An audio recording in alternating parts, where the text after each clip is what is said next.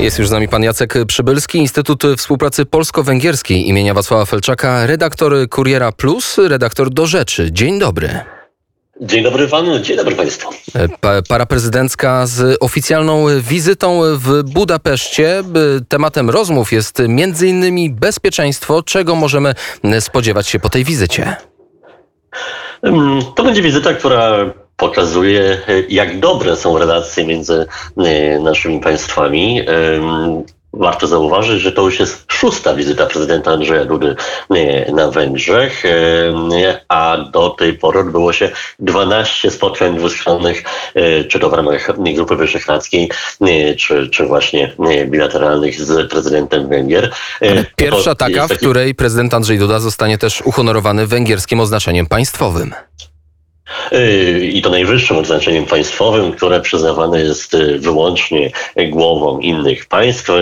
To odznaczenie dostał już jakiś czas temu, znaczy dostał je w zeszłym y, y, roku, zostało mu przyznane teraz, ale nie mógł jego odebrać z powodu pandemii koronawirusa, także te uroczyste obchody i uroczyste wręczenie tego odznaczenia przełożono i ono będzie miało miejsce dzisiaj. Ale te rozmowy to nie jest tylko poklepywanie się po plecach i, i mówienie, jak jest dobrze, ale też rozmowy o e, wspólnych problemach, e, zarówno Węgrzy, jak i my mamy na przykład kłopot z imigrantami na granicach i jestem więcej niż pewny, że, że to będzie jeden z głównych tematów, o których dzisiaj będą rozmawiać prezydenci. Problemy z imigrantami to na pewno będzie ważny temat. Również stosunki Polski i Węgier z Komisją Europejską w ramach działań Unii Europejskiej. Ten temat prawdopodobnie również będzie poruszony.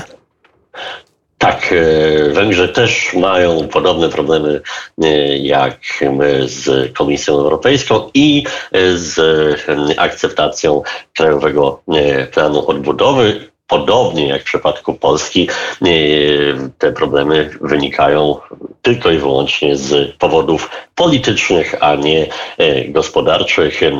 Na Węgrzech nawet była już taka sytuacja, że przewodnicząca Komisji Europejskiej zapowiedziała, poprosiła rząd w Budapeszcie o wyznaczenie konkretnej daty, kiedy mogłaby przyjechać i ogłosić zaakceptowanie Krajowego Planu Odbudowy, po czym węgierski parlament przyjął ustawę która w skrócie mówiąc, której głównym celem jest zapobieganie takiego szkodliwe, y, szkodliwemu wpływowi nie, nie, różnych y, ideologii i, i seksualizacji młodzieży i dzieci w szkołach. I po tej ustawie nagle okazało się, że jednak Komisja Europejska nie widzi możliwości szybkiego akceptu Krajowego Planu Odbudowy. Wróćmy, wróćmy do samej wizyty prezydenta Andrzeja Dudy wraz z małżonką. W programie zaplanowano spotkanie z węgierskim prezydentem, z szefem rządu Wiktorem Viktorem Orbanem, ale także z przewodniczącym Zgromadzenia Narodowego Węgier. Nie, tak, e, czyli tak naprawdę z, e, no, z, z wszystkimi przedstawicielami władz. No i, i, jestem przekonany, że e, właśnie te polityczne i gospodarcze e, tematy będą tutaj e, kluczowe. Obydwa kraje mogą się pochwalić wyjątkowym e, wzrostem gospodarczym, wyjątkowo wysokim na tle również krajów zachodnich. Węgrzy tylko w ostatnim kwartale, czyli w drugim kwartale 2021 roku mogą się pochwalić wzrostem w wysokości 17,9 0,1% rok do roku, e, a w całym e, obecnym roku ten wzrost może wynieść nawet 7%. To, to jest wynik, o którym wiele innych gospodarek może tylko pomarzyć. Spektakularny sukces, a skoro już poruszył Pan tematy ekonomiczne, to e, Polska i Węgry mają również inny wspólny mianownik. To jest wysoką, jedną z najbardziej rekordowych inflacji. Węgrzy działają, przeciw, starają się przeciwdziałać tej inflacji, podwyższają stopy procentowe, to już trzykrotnie. Jaki jest efekt? No na razie tego efektu nie widać spektakularnego. Węgrzy boją się bardzo inflacji, dlatego że mają w pamięci hiperinflację gigantyczną, która tak naprawdę jeśli chodzi o Europę była najwyższa w historii Starego Kontynentu. Stąd jako pierwsi w naszym regionie po pandemii zaczęli tą politykę podnoszenia stóp procentowych, robią to regularnie i stopniowo. Tej pierwszej podwyżki, i to była pierwsza podwyżka od blisko dekady Narodowy Bank Węgier dokonał w czerwcu tego roku, w lipcu powtórzył ten krok, a potem w sierpniu podniósł, tak jak pan wspomniał, te stopy po raz trzeci. No, Węgrzy nie są już na pierwszym miejscu, bo było tak, że byli na pierwszym miejscu, jeśli chodzi o wysokość inflacji w Unii Europejskiej, no, ale wciąż mają z tą inflacją problem. W przypadku banków centralnych i tych działań banków centralnych najczęściej jest tak, że te efekty przychodzą dopiero po, po jakimś czasie, także myślę, że tu na Węgrzech też po kilku miesiącach efekt, tych efektów będzie można się spodziewać. Więc czekamy na te efekty, tak jak również na samo wydarzenie i efekty dotyczące spotkań prezydenta Dudy z, jak pan powiedział, najważniejszymi osobami w państwie. Więc pytanie, na ile jest to ważna wizyta dla strony węgierskiej i dla strony polskiej? Jest to wizyta o tyle ważna, że właśnie podkreśla e, to, że jesteśmy e, sojusznikami, jesteśmy partnerami, którzy wiele interesów mają wspólnych e, i, e, i obydwie strony, e, czy to w przypadku prezydentów, czy w przypadku szefów dyplomacji, nie ukrywają, że tak naprawdę no, nie tylko jesteśmy dla siebie sojusznikami i, i, i członkami choćby Grupy Wyszehradzkiej, ale mówimy tutaj wręcz o takim braterstwie, czyli więcej niż sojusznikami, więcej niż przyjaciółmi, y, a, a, a tak naprawdę nie, braćmi. Także to braterstwo polsko-węgierskie ma bardzo długą historię y, i dla obu narodów, y, poza tymi kwestiami praktycznymi, jest niezwykle, niezwykle istotne. To czas na w takim razie na drobną łyżkę dziękciu, bo to są też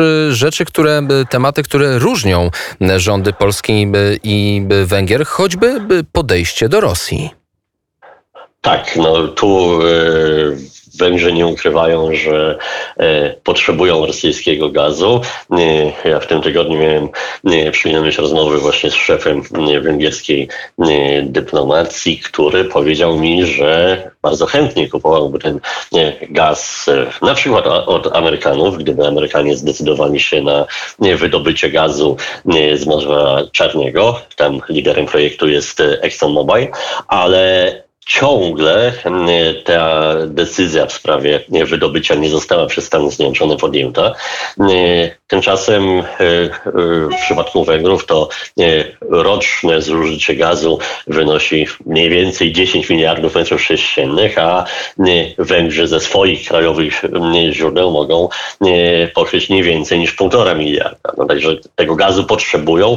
Część zakontraktowali z terminalu LNG w Chorwacji i to za dużo wyższe pieniądze niż w przypadku Rosji, no ale ciągle jeszcze tego, te, ich potrzeby gazowe zostały niezaspokojone, no i stąd niejako byli zmuszeni do tego, żeby, żeby dogadać się z Gazpromem. I, i są przekonani, że to no, nie tylko nie zmniejsza, ale wręcz zwiększa suwerenność, e, suwerenność Węgier. No i, i podkreślają, że jeśli tylko byłyby inne e, sposoby na, na zdobycie tego surowca, to, to chętnie z nich, z nich skorzystają.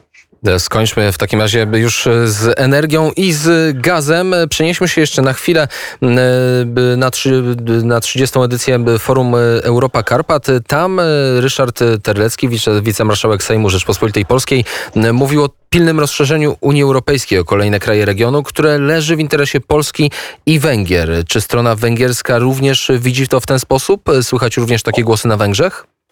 Tak, one są bardzo wyraźne. Tu głównie Serbia jest promowana przez władze w Budapeszcie. Serbia od lat jest już w zasadzie gotowa do wejścia, spełnia te kolejne postulaty unijnych elit i kolejne wymagania.